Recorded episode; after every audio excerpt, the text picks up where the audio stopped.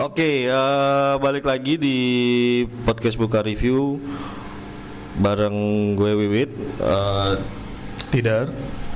Yus, Catra, kali ini kita mau ngomongin The International. The International itu kayak kalau di bola itu sepak bola apa Piala Dunia gitu kan, Piala Dunia. Eh, kalau ini tuh khusus game Dota. Eh, apa sih spesialnya? Ya kalau di ranah e-sport sendiri tuh Dota udah lumayan sepuh sih. Jadi kalau baru-baru ini tuh Fortnite bikin Fortnite World Cup yang mereka waktu itu ngeklaim hadiah World Cup-nya itu terbesar di semua e-sports mana pun. Waktu itu 30 juta dolar. Sekarang tuh Dota uh, kompendiumnya udah ngelewatin itu 32 juta. Yang mana itu uang dari pemain untuk pemain. Nah, jadi menariknya tuh eh, di internasional pertama itu 2011 ya, 2010, 2011 ya, ya 2011. Nah itu tuh kayak milestone-nya tuh pertama kalau nggak salah cuman satu juta dolar, satu juta dolar. Sekarang 2019 tuh sekarang udah jadi 32,6 sekian sekian juta dolar. Yang mana itu tuh gede banget. Eh, posisi pertamanya bisa dapat 14 sekian juta dolar ya, kalau gua nggak salah. berapa, berapa miliar? Dua Nah, ratusan. coba kalkulator berapa tuh? Pokoknya banyak banget. Nah, da- salah satu dari kita berempat nih MMR-nya ada yang paling gede nih. Punya Eh, season sebelumnya si Pak Catra ini katanya nyampe legend. Legend, legend. Legend. Tapi lumayan gede daripada saya Herald. Nah, dari dari kalau eh, prediksi lo sendiri, Cat. Lo sebenarnya ngejagoin siapa, tapi kira-kira antara yang lo jagoin dan pemenang potensialnya ah, beberapa tim-tim top tier menurut lo siapa-siapa aja dan kira-kira apa pendapat lo tentang itu? Eh, gue sih eh, sebenarnya gue dukung dua tim. Eh, EG karena gue pengen ngelihat si RTZ juara. gue pengen ngelihat dia ngangkat trofi yang major karena dia belum pernah sekalipun. Eh, terus kedua gue pengen tim secret menang. Tapi sebenarnya kalau ngomongin idealnya, sebenarnya ini waktu yang ideal buat tim Cina untuk juara. Kenapa? Kenapa? Karena dari TI pertama sampai TI ke Apa? 8 belum pernah ada yang juara dua kali. Semua deh. Belum pernah ada satupun yang juara ngangkat juara dua kali. Dan eh, kalau tim Cina juara tahun ini, berarti eh, apa? Tradisi itu tet- tetap terjaga. Oh, nggak ada. Nah, karena saat ini di tim Cina yang ikut eh, di internasional kali ini nggak ada satupun pemain yang pernah juara TI. Oh iya, pemain yang ikut sini kan cuma dua kan, cuma si Papi sama Nggak ada banyak Eh, di eh, tim Liquid ada empat orang yang juara bertahan, Oh, yang pernah angkat. Terus di OG lima limanya masih Oh, ju- iya. masih juara. Masih lengkap, oh, iya, iya, Mereka masih iya, mereka iya, masih iya. satu tim. Terus di EG ada Sumeo, Hmm. ada PPD, ada Papi di tim Secret. Fiji, Fir. Ah, Fir kan nggak main, Fir nggak main. Fir main. Fir kan eh, J- J Storm dia, kan dia nggak nggak lolos, nggak lolos. Terus ada siapa lagi? Ya itu sih kira-kira Eh, sama Matumbaman di Chaos e-sport kan. E-sport. cuman baru aja baru aja di kick dari eh, tim Liquid, terus langsung. Mm, langsung untung untung lolos ya. Hmm. gue menjagokan menjagokan EG pertama, kedua tim Secret karena menurut gue mereka pantas eh, juara menurut gue. Cuman kadang-kadang bad lucknya ada aja gitu menurut gue kayak gue nggak ngerti nggak bisa ngejelasin kenapa si RTZ bisa kena cliff ter- Iya. terus-terusan dan kalah gitu dan dan momennya tuh momennya selalu momennya selalu game losing. Eh, terus eh, satu lagi eh, tapi ya kalau bukan dua tim itu eh, kalau tim Cina harus juara gue pengennya si antara PSG LGD atau Vici Gaming. Vici, Ga- Vici Gaming menurut gue solid banget. Mereka punya mid laner dan tiga core mereka tuh tiga core paling jago menurut gue di Cina. Ada Yang, ada Ori sama Paparazzi. Jangan dimainin. Ya. Paparazzi itu ya udah tau lah ya Paparazzi carry, carry nomor pertama eh, nomor satu lah di Cina saat ini. Nggak nggak ada yang bisa ngalahin dia. Bahkan A- Ame pun nggak nggak setara menurut gue masih masih jauh masih agak sedikit di bawahnya Paparazzi gitu. Dari based on skill mekanis one on one ya. Maybe itu jago, cuman eh, bisa eh, menurut gua nggak tahu kenapa menurut gua kadang-kadang nggak stabil dia mainnya bagus cuman kadang-kadang nggak stabil. Jadi nah kalau Yang nah gue kenapa suka menjagokan Vici Gaming itu karena Yang-nya tuh jago banget gitu. Oh, offliner ya? offlinernya dia tuh dahsyat menurut gue salah satu offliner terbaik di Cina. Yang FY lu megang apa? kalau Yang sama FY tapi beda posisi kan mereka. FY itu kan support. Nah, tapi support roaming kan siapa? Mm-mm, support roaming uh, posisi 4 soft soft support sekarang namanya Oh gitu. Iya, sekarang kan ada Yang baru Iya, ya. ada soft support. Yang itu kan beda kan, dia kan offliner kan. Dan Jadi kalau- ini Tiga berarti. Hmm. Yang, yang posisi tiga. ya posisi tiga. Jadi kalau pemain yang menurut lo paling harus diperhatikan bener-bener itu paparazzi gitu. Gue pribadi sih, eh, ya paparazzi harus selalu dijaga karena kalau dibiarin farming sendirian satu lawan satu sama offliner tim lawan, gue jamin paparazzi bakalan dapet eh, item eh, six slotted langsung tanpa hambatan nggak mungkin dia dia nggak bukan tipe pemain yang bisa dikalahkan satu lawan satu gitu. Mekanisnya terlalu jago gitu. Nah, eh, masalahnya kalau eh, nem- dua orang nempelin paparazzi terus-terusan, kemungkinan besar yang sama orinya yang jadi. Itu itu problema itu itu itu itu itu kenapa paparazzi itu sangat berbahaya. Nah, orang yang setara di tim lain dengan kemampuan seperti itu ya pasti miracle. Miracle. Hmm. Sumi yang saat ini menurut gua Kurang. dia nggak tahu kenapa menurut gue jadi dikorbankan gitu buat si artizi artizi Kasih space. Mm-mm, buat ngasih space. Si jadi sekarang tuh yang menurut gua harus diwaspadai adalah paparazzi, Miracle, sama si Nisha sih menurut gua. Ada pendapat lain mungkin? Lu? Kalau dari lu tim yang bakalan juara siapa? gue sih sebenarnya eh, Oji. media darling banget ya tapi kalau emang kalau to be fair sih kayaknya secret sih kayaknya emang tahun ini tahunnya mereka si siapa sih namanya itu si Pupi Pupi Pupi itu udah kayak nemuin tim yang pas untuk bisa jadi juara. Tapi dari lubuk hati gue yang paling dalam sih emang gue jagoin Oji sih. Itu media darling banget ya meskipun mereka emang lagi ancur-ancur ya tahun ini. Ya gue pengen Cinderella story itu jalan lagi sih sebenarnya. Eh, Tidak, tidak, tidak. Ya, gue sebenarnya tetap Enggak, bukan tetap. Gue emang menjagokan Oji karena sama Cinderella Story. Tadi sebenarnya sebenarnya sebenarnya pas waktu TI 8 itu gue nggak peduli sama Oji atau siapa pun gitu. Gue cuman ya udah gue nonton gitu. Tapi ternyata ketika tahu backstory-nya Notel Fly dan lain-lain gitu, Kalau wah, setelah nonton ya. Terus kemudian ada itu kemarin Red Bull ngerilis ya, Red yang Bull, itu apa tuh. judulnya? Iya, Against all yes, odds. against all odds. Man, itu lebih true dari true side. Hmm. ya jadi itu alasan gue juga nggak mau dukung Iji sih Tapi nggak nggak iji secara keseluruhan. Gue sebenarnya sama Artizi tuh oh, oke dia dia oke lah. Cuman kalau untuk ya si fly-nya itu nggak.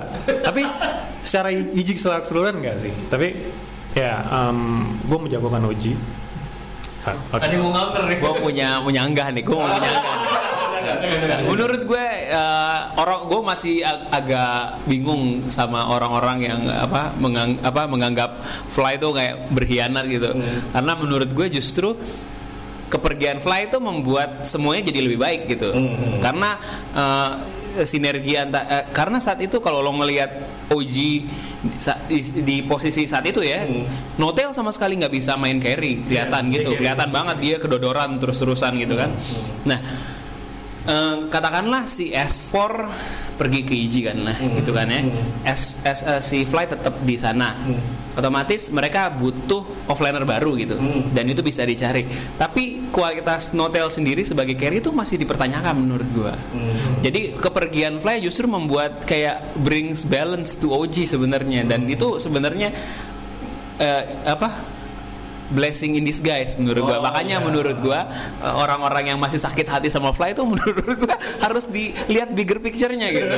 Nggak nggak nggak bisa dilihat ini orang berkhianat nih. Enggak justru saat itu saat, saat itu posisinya adalah EG butuh drafter, EG butuh drafter dan support dan butuh o- o- offlaner saat itu dan mereka si Creed juga saat itu sangat karena mereka pernah berdua pernah main kan Creed pernah main di OG kan. Jadi mereka eh, si Creed merasa bahwa si oke Fly ini oke banget menurut gua. Jadi dan dia cocok. Nah eh, di sebenarnya cuma pengen dapetin F- S4 tapi dapat Fly ya kenapa enggak gitu.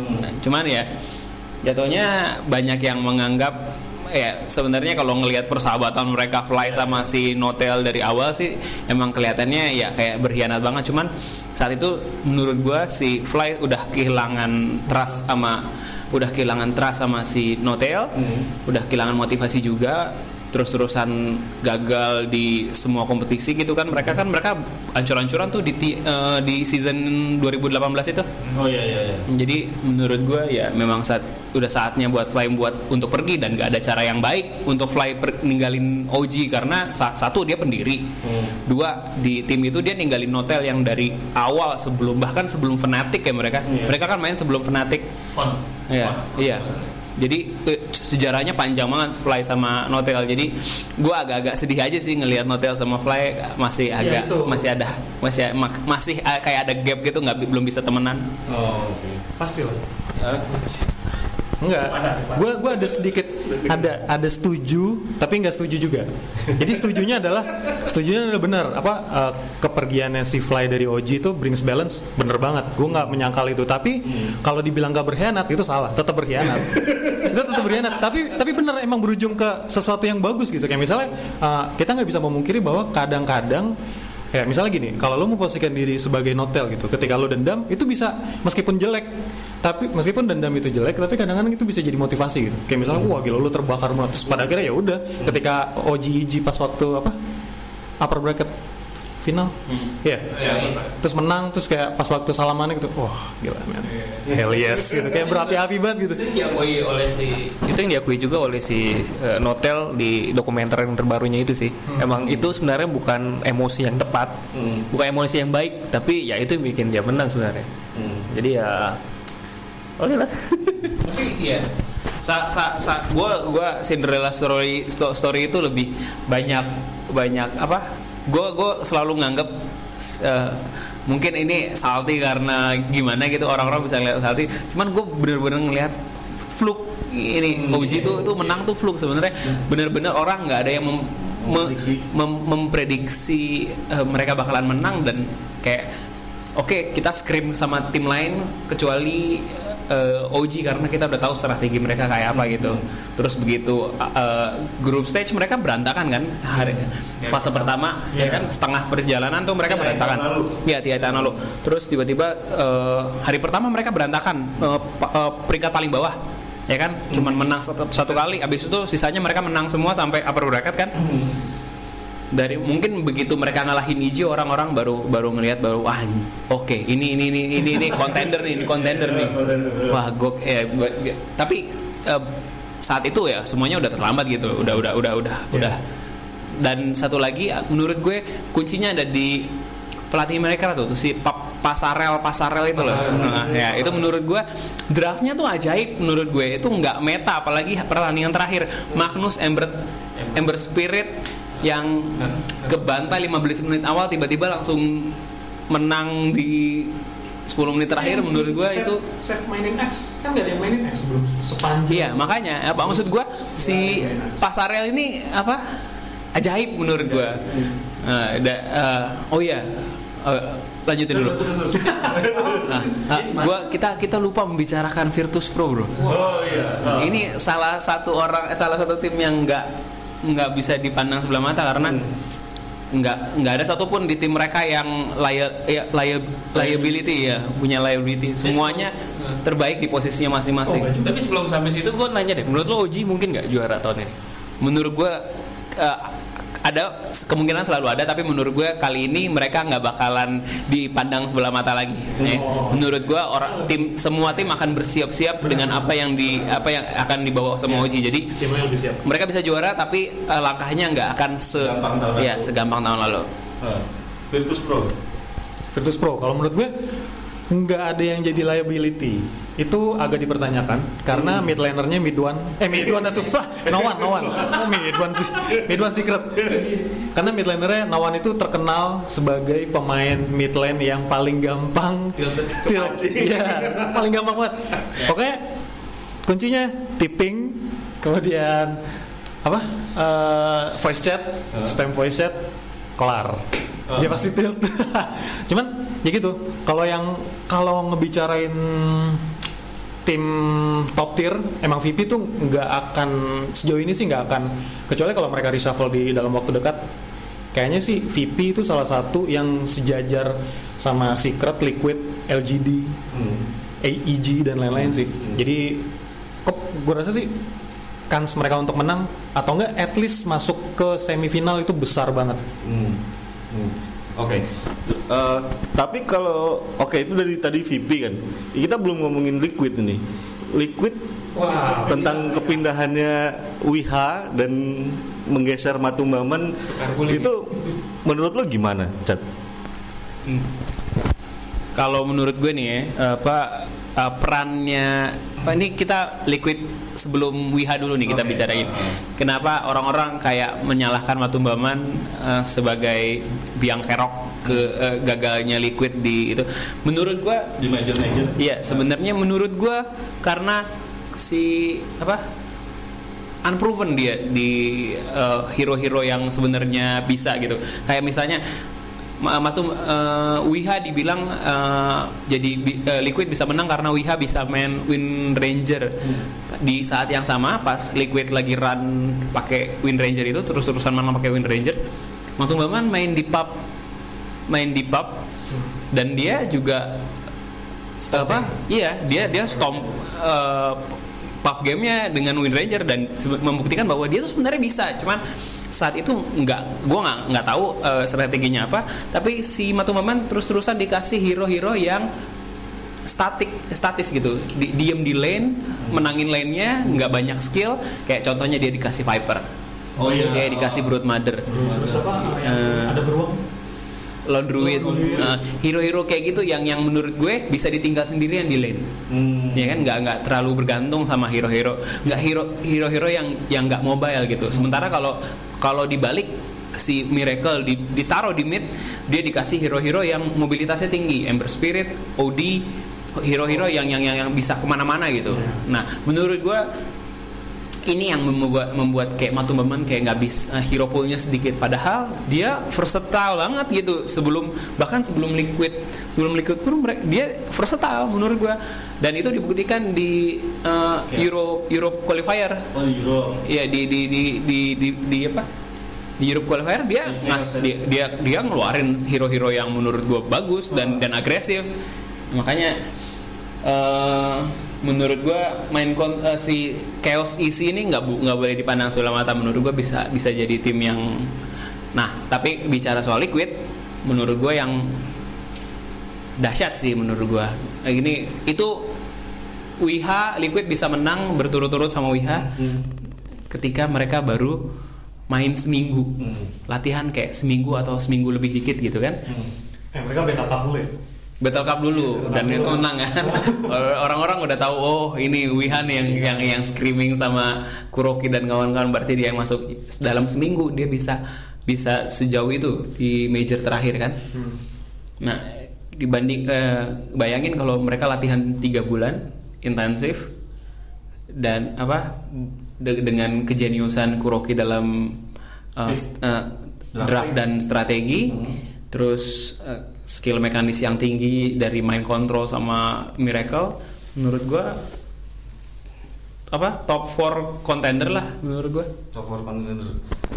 Eh, berarti top 4 contender tuh misal dari tadi ya dari kita omongin adalah Secret terus apa? Virtus Pro. Vir- Virtus Pro terus Iji. Enggak lah menurut gua. Dia dia menurut gue Iji itu apa dark horse deh jatuhnya sekarang. Karena apa apa masih banyak instability menurut gua. Kalau lo bilang no one to tilted, Sumel sama tiltednya Iya, di situ benar, di benar. posisinya. Benar. Eh, ya mudah-mudahan sih si mereka punya. Empat- oke empat empat. tim menurut kalau kalau dari gue ya eh, empat tim itu VG Gaming, Virtus Pro, Team Secret, sama hmm. PSG LGD sih gue. LGD. PSG LGD. Tidak Hmm. Top 4. hmm. Top 4 kalau menurut gue sih eh, karena si Liquid ini ada penyegaran strategi, mungkin dia masuk Liquid. Kemudian LGD gue agak ragu karena di major sebelumnya suram. Hmm. Tapi eh, tapi tetap kuat sih. Tapi menurut gue mereka nggak masuk top contender menurut eh, standar yang mungkin gue punya. Jadi Liquid, Vici, eh mungkin Secret. Habis itu VP. Gue gue nggak tahu kenapa meskipun gue menjagokan Oji. eh mid lane-nya mereka tuh Thompson mereka sering apa ya eksperimental gitu loh. Kayak eh, oke mekaniknya secara individual jago cuman eh, apa ya kadang-kadang overly confident terus diving kemudian mati. Kemudian nggak ada buyback. Kenapa wah. Itu sih. Kalau lu Yus empat. Gua Secret, eh, VC Gaming, LGD sama Liquid sih. Tapi kita semua sepakat ya. Ogi gitu. Enggak ada uji, gue nggak yakin, benar-benar nggak yakin. Dark horse mentality. Dan kita semua sepakat kayaknya nggak ada tim Asia Tenggara yang bisa masuk situ ya. itu itu menarik banget tuh tim-tim Asia Tenggara Eh, kalau menurut gue nih eh, TNC semenjak dia dapat coach ah, si Hin eh, performanya tuh makin oke loh belakangan-belakangan ini Nah, itu, itu, Iya sih? benar. itu yang mau gue bahas barusan. Iya benar. Nah terus kalau di TI 9 ini kayaknya sih mereka em, jadi satu tim yang mungkin kalau di TI 8 tuh kayak OG gitu loh. Jadi mereka tuh kayak uh, under the radar. Cuma tiba-tiba tuh langsung bang. Terus tiba-tiba langsung upper bracket atau kita nggak tahu sih. Rabu kan mulai. Iya rabu-rabu Iya. besok ini. Ah. Tapi soal Southeast Asia? ya Southeast Asia negara Iya, fanatik. Tapi fanatik bukan yang basisnya Eropa kan sih? Enggak. Tapi Enggak, kebanyakan Malaysia, kebanyakan Malaysia. oh Malaysia. Nah. Nah, dari negara kita sendiri nih. Lu, dari dari Southeast Asia dulu. Nah, ke- kan kalau menurut gua TNC itu emang kayak beberapa major terakhir itu dia bisa konsisten dengan pertandingan yang sangat epic gitu kan. Terus eh Mineski juga lolos meskipun apa jenis Bruce itu sempet Wah, iya. ya kan terus- nah satu-satunya yang stabil itu cuma Fnatic kan nah kalau menurut lo tim Southeast Asia ini ada nggak sih yang bakal bisa ya paling nggak perempat final kayak gitu gitu Cid? Oh, menurut gua kemungkinan itu pasti ada. eh, sekali lagi kemungkinan pasti ada ya. Fnatic kan pernah tembus dua eh, eh, dua besar nggak sih? Apa? Tiga apa? TI 7 Wah, dia itu juga. TI 7 apa TI 6 gitu kalau nggak salah. Mereka tembus posisi tiga kan kalau nggak salah. Ya itu itu eranya Mushi kalau nggak salah. Eranya Mushi. Ya. Ya, tapi Fnatic juga barusan ditinggal sama offlanernya kan Hmm, siapa tuh? si Cap si siapa ya Kepi apa Happy. Oh bukan itu. enggak si soalnya si Jeff jadi ini jadi Oh si itu siapa namanya?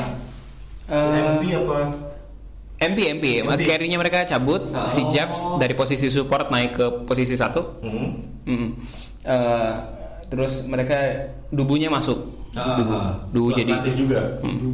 Berarti Tadi coach jadi pemain si Dubu. Ya, Ah. coach jadi pemain. TI 6 Ya. di posisi 4. ya enam di posisi oh empat. posisi 4, oke. Hmm. Nah, em, menurut gua kalau ada tim yang bisa eh, apa ngalah-ngalah apa jadi apa Giant Slayer ini, Hmm. menurut gua TNC karena gua suka mentality mereka.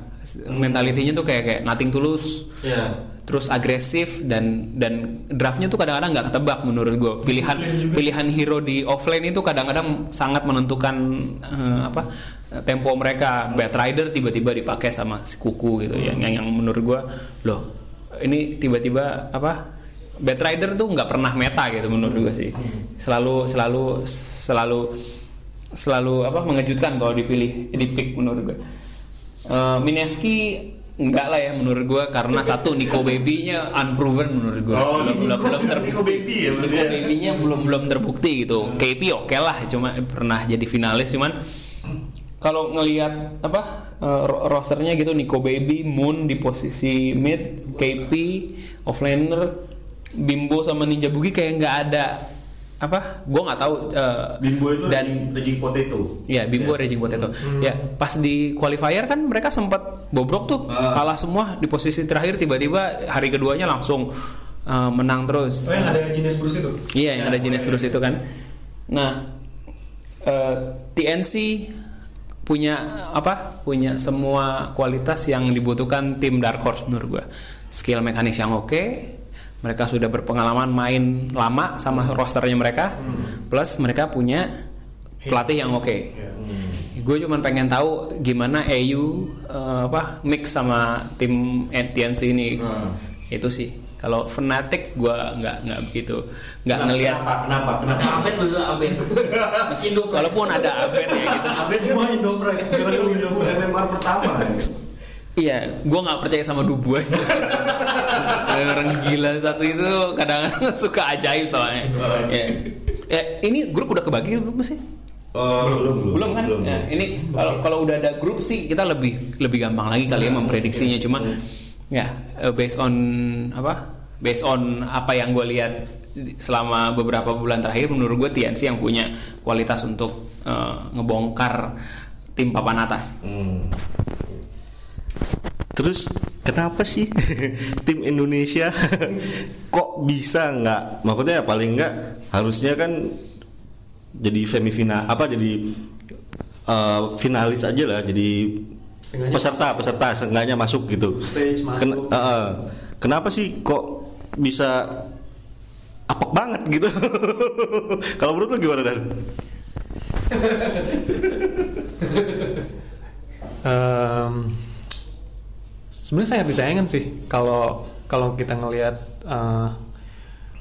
re- apa milestone-nya Boom ID yang kemarin sempat masuk closed qualifier terus pada akhirnya buyar gitu aja ya. kan. Tapi sebenarnya kalau lo ngelihat eh, skill individualnya kayak kalau dari Boom ID si Fervian itu sebenarnya sih udah cakep banget ya nggak sih? Cuman entah kenapa kita nggak ngelihat sesuatu yang apa ya yang dipun yang dimiliki sama Tim tim, top tier gitu. Kayak misalnya eh, kalau dari pengamatan gue ya, maksudnya pengamatan sekedar kayak in a Iya. glimpse, Ah. eh, tim-tim Indonesia tuh nggak kurang disiplin, Hmm. kurang disiplin. Kemudian apa? eh, misalnya gini, ketika mid lo lagi di di harass Hmm. atau lagi di apa eh, salah Di satu support ya salah satu support mereka salah satu support musuh lagi ngegeng midnya tim Indonesia itu ya udah lu lu kebanyakan yang gue temui kayak gitu kalau dari yang gue tonton kayak kayak ya udah lu didiemin kemudian pada akhirnya mid lo bubar terus pada akhirnya lu mesti nyerang dari safe atau offline.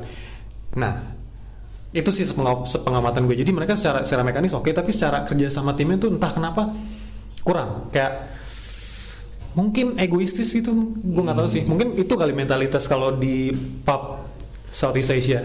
Kalau menurut lu gimana Chat?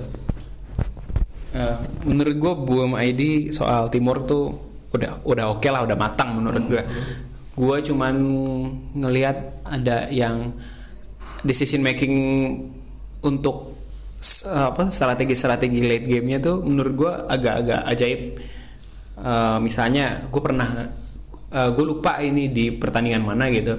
Eh, mereka pakai nature prophet mati terus nature prophetnya balik ke balik ke fightnya. Padahal mereka udah tiga mati bukannya ngepush di tempat lain biar eh, fightnya tuh ke, ke, ke- kebelah gitu. Ya, ya decision decision making di late game ini yang kadang-kadang menurut gue bikin ID kalah. Padahal secara skill Fervia, eh, apa? Fervian. Fervian Dream Hotel tuh udah udah udah udah oke banget.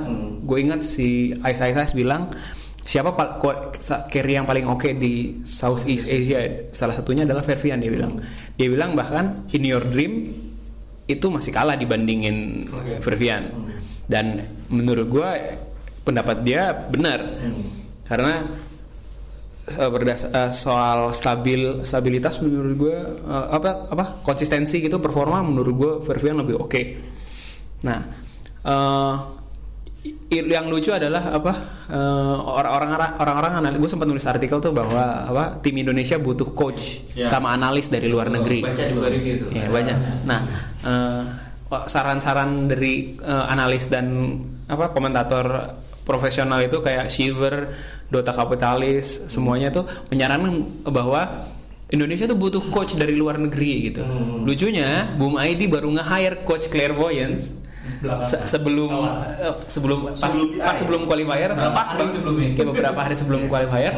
Dan menurut gua draftnya mereka jadi berubah banget gitu. Dari dari yang tim fight heavy jadi ke apa jadi jadi jadi berantakan menurut gue itu bikin bikin justru strateginya agak-agak eh, bukan comfort zone mereka. Dan kalah di hari terakhir sih yang ngaco tuh. Kalah sama 496 tuh tim dari Vietnam kalau nggak salah Iya, iya, benar. itu kalau kalah sama Android gue ngerti deh Iya. mereka cuma butuh satu kemenangan kan di hari kedua itu Ah. kalau Evos udah gue nggak bisa gue nggak nggak bicarakan Evos Evos Evos sudah gue ngelihat nama Evos ah udah nggak nggak Bumai dia aja udah yang yang yang, yang punya kesempatan menurut gue mereka kalah sama 496 menurut gue ajaib banget gitu. Oh, Kalau teori konspirasi langsung wah mafia nih mafia mafia bet. Cuman ya eh, aneh aja sih menurut gue bisa kalah sama 496 gitu. Itu dan draftnya tuh agak-agak kalau dilihat lagi tuh agak-agak ngaco nih nih kalau kalau dilihat lagi mereka Ember oke, Alchemist bro. Pada Alchemist? Ya, pakai Mikoto. Mikotonya pakai Alchemist. Berantakan di acak-acak sama apa? Wraith King gue inget banget tuh. Ah. Berantakan di acak-acak sama Wraith King. Ha, ya, ya, Bu Maidi tapi gue nggak tahu nih Clairvoyance kan masih melatih mereka nih ya.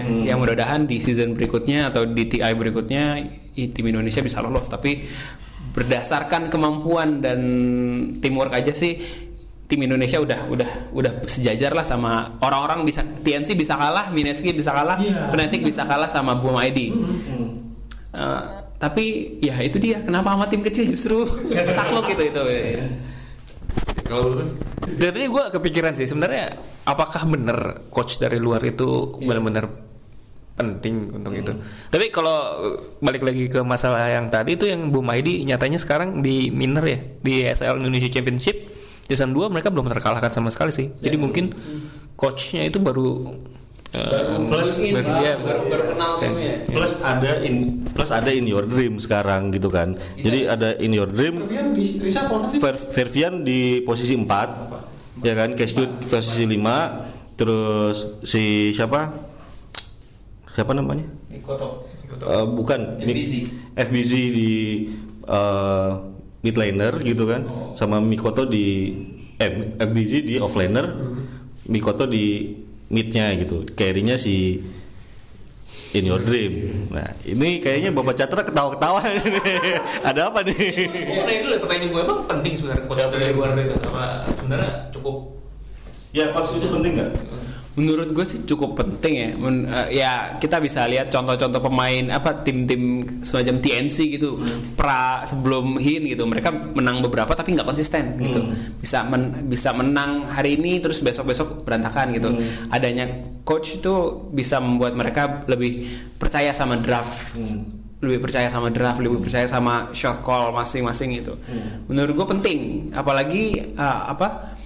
Menurut gue pelatih coach itu bisa bikin gerakan jadi lebih efisien sih. Menurut gue teamwork di di di pertandingan tuh jadi lebih efisien. tapi apakah harus ngimport Masalahnya nggak ada. Kayak gue nggak tahu sih. Ya s- s- Evos skena skena tapi lokal nggak lokal ya lo lihat aja tuh. Kayak apaan? Performanya tapi mereka mewakili Indonesia loh di Asian Games. Di Asian Games. Oh, INC kan itu Bumaidi juga kalah terus yang diwa eh Bumaidi itu kalah di INC diwakilinya sama Evos ML dan Dota gitu. Gue gue gue nggak nggak nggak nggak nonton justru sampai tapi ya tapi kita bisa setuju lah ya kalau Bu Maidi lebih baik daripada EVOS dalam hal Iya. Dota gitu. Mereka bisa menang di Mobile Legend atau Free Fire atau apa pun kompetisi mereka. Eh, tapi soal Dota Bumaidi lebih unggul ketimbang EVOS. Kita bisa lihat dari qualifier, kita bisa lihat dari kompetisi yang mereka ISL Indonesia ya. Hmm, bisa kelihatan. Terus adanya indoor dream? Adanya In Your Dream eh, mereka pernah main bareng kan? Si Dream Watcher sama In Your Dream tuh jadi udah pernah satu tim dan kepecah Awalnya, gitu iya, kan? Iya kan? jadi menurut gua eh, ketika apa kalau mereka main lagi menurut gua akan jadi lebih baik harusnya ya. Dream di posisi 4 Wah, itu menarik sih. Gue pengen lihat gitu. Gue nggak tahu kenapa si Dreamwatcher nggak di posisi tiga aja gitu. Hmm. Nikot mungkin ah gue nggak gue nggak paham. Tapi yang jelas kalau eh, tim mereka pemain-pemainnya setuju di reshuffle kayak gitu, gue rasa mereka lebih paham jauh lebih paham kasih ya. Dan kemenangan beruntun mereka di ESL membuktikan bahwa it work saat ini untuk kompetisi Indonesia. Tapi buat ke regional kita kan nggak tahu. Ada pendapat lain? ada pendapat lain ayo jangan ragu-ragu Ya, kayak yang tadi si Catra bilang, Hmm. kalau si In Your Dream ini, dia kan dulunya kan Bumaidi dari tahun berapa ya dia dulu waktu di Bumi? Nggak tahu, nggak, nggak ngerti. Ya, udah lama sih udah udah lumayan lama sih. Jadi kalau soal reshuffle-nya si Fervian dari mid jadi posisi 4 Hmm. Bener sih. Jadi ap- mungkin mereka paham chemistry masing-masing. Jadi ya udah ketika ketika lagi reshuffle kemudian uh, in your dream pulang kampung masuk ke Bumaidi lagi kemudian megang mid terus si Fervian ke posisi 4 mungkin mereka lebih paham lebih paham hmm, skill masing-masing segala macam terus uh, mungkin itu yang bisa bisa mereka yakinin kalau strategi ini bisa works gitu oke. Terus? Balik lagi ke TI nih. Eh, masing-masing punya jagoan dong. Maksudnya ya itu kan tadi udah tim ya. Sekarang player. Kira-kira MVP-nya siapa ya? Kalau dari lu sendiri? kalau dari gua. Dari gua sendiri sih. Karena karena gue jagoin secret gitu ya. Jadi kemungkinan Nisha sih. Wah, Nisha kayaknya kayaknya Nisha tuh diem-diem gitu kan cuma bunuh eh, lu kata papi kill kill kill kill gitu kan. Tapi dia bisa menjalankan itu dengan baik gitu menurut menurut gue. Eh, Emang Nisha tuh emang apa ya? eh, terpeng sedikit banyak terpengaruh dari secret magicnya secret magic. Secret ingredientsnya si papi sih. Jadi dia dia tuh entah kenapa eh, papi di tim mana aja tuh bisa bikin posisi satu posisi duanya atau bahkan semua satu timnya itu sendiri gitu. Maksudnya lebih lebih apa ya? Lebih terkoordinir gitu. Jadi karena ya mungkin dia udah salah satu pemain senior yang bahkan eh, setara sama siapa Liquid? Kuroki. yes. Nah kalau MVP dari sudut pandang gue itu gue. Kalau menurut gue Wiha Wiha. Kenapa karena Wiha? karena si Wiha itu semenjak eh, dulu waktu di chaos atau pain bahkan itu apa ya nggak terlalu kelihatan banget gitu nah kalau di sini kalau di liquid itu dia bisa lebih mungkin dengan dengan dengan draftingnya papi dan dan dan tandemnya si miracle mungkin apa ya ada draftingnya Kuroki Ya, papi si Kuroki masuk gue ketuker. Nah, jadi apa ya? uh, lebih lebih lebih apa sih secara secara tim tuh strateginya lebih lebih lebih fresh. Jadi uh, dia sebagai sebagai mid laner uh, kayak yang tadi si Catra bilang ketika si Matu nggak bisa mainin bukan nggak bisa mungkin nggak tahu dari proses drafting atau segala macam mungkin si Matu Matu nggak pernah kita lihat. Waktu selama di Liquid si Matu belum pernah pakai Storm Spirit Wind Ranger dan lain-lain. Itu di Liquid ini si Wi, si Wiha kan lebih dikasih fleksibilitas hero kayak yang kita lihat di major yang lalu. Gue rasa sih dia salah satu MVP di TI 9 oke. Catra. Eh, gua eh, gue senangnya offlaner gue jujur aja. Gue gue membuat gue senang sama apa? Offlaner tuh biasanya di di apa? Ditelantarkan kan. Ibaratnya di lane lo mesti berhadapan dengan carry plus support 5 gitu. Terus di, disiksa gitu di lane dan menurut gue offlane yang bisa bertahan dengan kondisi mengenaskan seperti itu Zayn. itu offlane berarti bagus gitu. Dan siapa yang bagus? Zai Zai itu punya punya punya punya apa? Decision making dan apa? Ketenangan yang oke gitu. Kalau lo perhatiin Zai mainnya itu dia nggak tilted mungkin pernah gitu di di pub di pub gamenya gitu kan. Eh, tapi dia stabil ko- konsisten dan dia di back sama strategi yang apik dari papi. Papi itu nggak nggak pernah nggak pernah. Pola apa logikanya dia ngebongkar ngebongkar eh, meta tuh menurut gue dahsyat gitu. Satu-satunya misal satu-satunya kapten yang masih beli, masih beli buckler. Masih beli buckler gitu. Casual buckler cuman buat ngedorong creep gitu nggak ada satupun tim kapten lain atau support lain yang beli buckler di air di sepanjang tahun ini tuh cuman papi. Nggak gue nggak ngerti gimana tapi akhirnya mulai ditiru dan karena itu works gitu. Cuman papi yang mainin kayak gitu. Mainin posisi X di posisi 5 di TI sebelumnya. Papi yang yang yang yang mikir kayak gitu.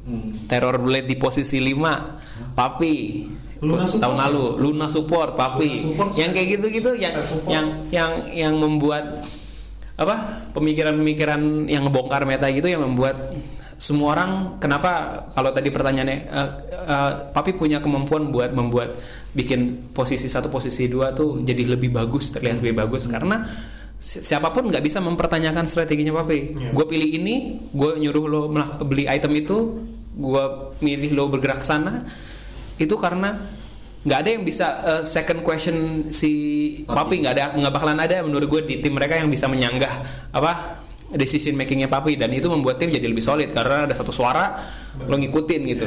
Nah itu bikin jadi lebih solid. Nah dan itu bukan cuman tim secret aja yang kayak gitu. Liquid juga punya kuroki si VP punya solo gitu Ti- kapten-kapten berpengalaman itu membuat tim jadi lebih nyaman gitu Heeh. Eh, apa? Gue lupa tadi mau apa coba. Jadi kan gue Ah, ah, ah, iya apa? Eh, nanti aja kalau gue ingat lagi. dah. Sering terjadi, itu sering terjadi. ada banyak sih yang pengen gue jagoin sih gue pengen lihat Ana bisa, bisa jadi MVP anak pemalu dari Australia itu gue juga pengen lihat Somnus sih sebenarnya jadi MVP ya alasannya nggak mutu dibandingkan yang lain sih karena mukanya nyolot aja. Keren sama dia kayak baru nikah deh. Jadi ya, jadi MVP menarik juga. Eh, kasih satu alasan kenapa kita harus nonton TI 9 Apa ya? Wah, Air. Waduh. Buat untuk mengisi hari lu langsung tek. Iya. Untuk mengisi kampanye hidup yang nirmakna. Waduh. Kita mulai apa dari gue dulu aja. Oh, iya, iya, iya, dulu, aku masih belum Nanti kepikiran. terakhirnya untuk mengisi kapan? Selesai gitu. Iya iya iya. Alasan buat nonton TI kali ini adalah karena satu ini pertama kalinya diadakan di luar Eropa. Ah, Amerika Amerika Utara kan udah pernah di Kanada Oh, bukan iya. sih? Oh, iya, sekarang Iya, bisa. kan? Iya. Tuh Vancouver kan Ya Vancouver kan. Ini pertama kalinya diadakan di di luar Amerika Utara. dan Eropa. Eropa yang pernah? Enggak pernah. Nggak pernah. Di Jerman ya? TI 1 atau TI 2 gitu. Oh itu yang di satu ya benar. Mereka di Oh ya, ini pertama kalinya diadakan di Asia deh. Gitu. Oke, Oke. Negara barat. Iya. Ini pertama kalinya diadakan di Asia. Ini eh, kompetisi dengan prize pool terbesar. di dunia, 32 juta dolar and counting. Masih belum selesai. Oh, masih belum selesai. Ya. Terus ketiga ini daftar tim yang paling oke yang pernah ada di TI TI sebelumnya. Kenapa? Karena sistem DPC yang tahun season ini jauh lebih rapi daripada tahun lalu. Bikin uh, apa? Qualifier jadi makin berat. Ya jadi ini semua tim yang ada di sini itu semua tim deserve to be here gitu menurut gua. Nggak ada satupun yang fluke gitu menurut gue. Oji? Oh, Oji, Oji udah udah udah udah udah udah dahsyat, udah udah tim tim tim top lah menurut gue. Nah itu tiga alasan menurut gue udah cukup. Kayaknya alasan nggak jauh beda sih. Pertama itu di Shanghai, jadi perbedaan waktunya nggak akan terlalu banyak sama Indonesia. Jadi lu bisa nonton di pagi hari sampai siang hari, nggak perlu begadang untuk nonton TI. Terus eh, lu bisa lihat betapa serunya permainan memperebutkan hadiah sp- 200 miliar dan untuk jadi juara pertama itu pasti akan seru banget. Terus juga menurut gua ada alasan lainnya eh, nostalgia sih. Eh, lu tahu kan Navi itu di TI 1 Oh ya Navi. TI 2, TI 3 begitu berkuasa walaupun hanya sekali menang ya kali ini mereka masuk lagi dan ya meskipun udah nggak ada Dendi tapi ya gua rasa itu akan bikin TI ini jadi menarik. Oke, jadi The International 2019 itu akan diadakan pada 20 sampai 25 2019 25 Agustus 9 2019 bertempat di Shanghai di Mercedes-Benz area. Oh 2025 itu main stage-nya. Main stage-nya Nah, main stage-nya. Kalau grup stage mulai dari Ya. Ya. mulai tanggal 15. Oke. Buat lo lo pada yang buat kamu-kamu sekalian yang ingin juga apa namanya eh, main Dota terus bisa pengen jago gitu bisa lihat artikel-artikelnya eh, tidak sentosa atau Catra dibuka review dibuka review dan kalau mau beli alat-alatnya silahkan kunjungi langsung ke Bukalapak oke sekian dari kita Eh, ya udah Sudah, sekian. Terima kasih. Sampai jumpa di episode berikutnya.